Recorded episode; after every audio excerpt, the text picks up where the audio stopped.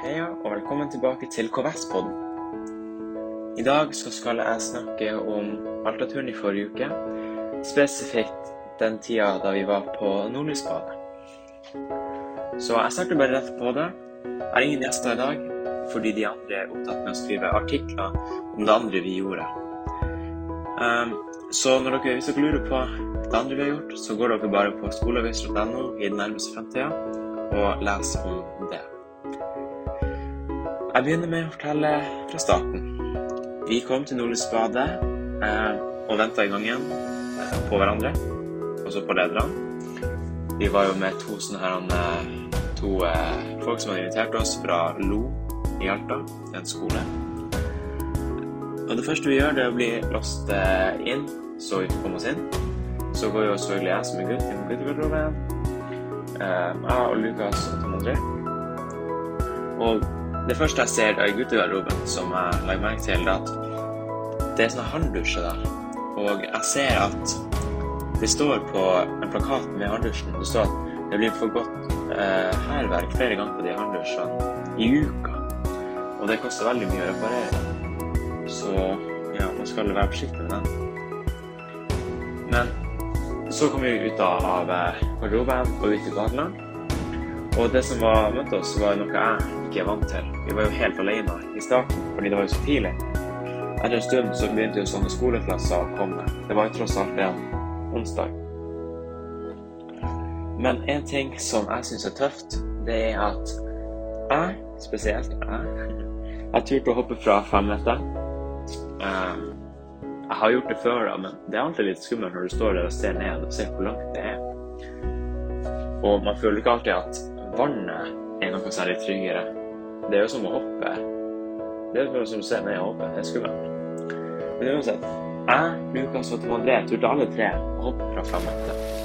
Tom André han tok jo så springfart. Han hoppa nesten på veggen på andre sida. Um, men det jeg syns var tøffest, det var en av lederne våre, Liselotte. Hun stupte fra fem meter. Hun bare gikk opp og hoppa ned som om det var ingenting. Og så bare stupte hun rett ned i vannet. Hodet først. Og da sto jeg der og måpte i hvert fall, fordi det var helt sinnssykt. Vi gjorde jo masse andre ting der, da. For eksempel i det bassenget når man stuper, så er det jo en, en akvarium igjen. Så vi svømte jo dit, og så vi der, og så på fiskene. Og det er sånn ekko der inne, så det er litt artig å prøve å synge det. Det var spesielt artig siden vi var helt alene. Vi var også i boblebadet. Det er jo veldig varmt. Men sånn at den renses, så når det lyser grønt lys, så skrur man den på. Så jeg satt med jeg og Lukas og varmer oss og koste oss. Og så er det jo også et lite basseng, mindre basseng, ved siden av boblebadet for barn. Og der er det sånn sopp som står opp, og så struder vannet ut fra soppen. Og så er det sånn liten boblebad. Det kommer bare bobler liksom opp fra benken når man sitter. Og så ved siden av der så har vi en liten kanal, og der man, kan man skru på strømmen. Den, det er sånne kanoner som er på sida av kanalen som lager strøm. Og når man drar den ene veien, så drar man sykt fort fordi at de tar tak i deg. Når du drar andre veien, så prøver du å svømme mot strømmen. Um, og i starten av kanalen ved siden av boblebadet så er det to kanoner som står langt oppe og spruter vann ned.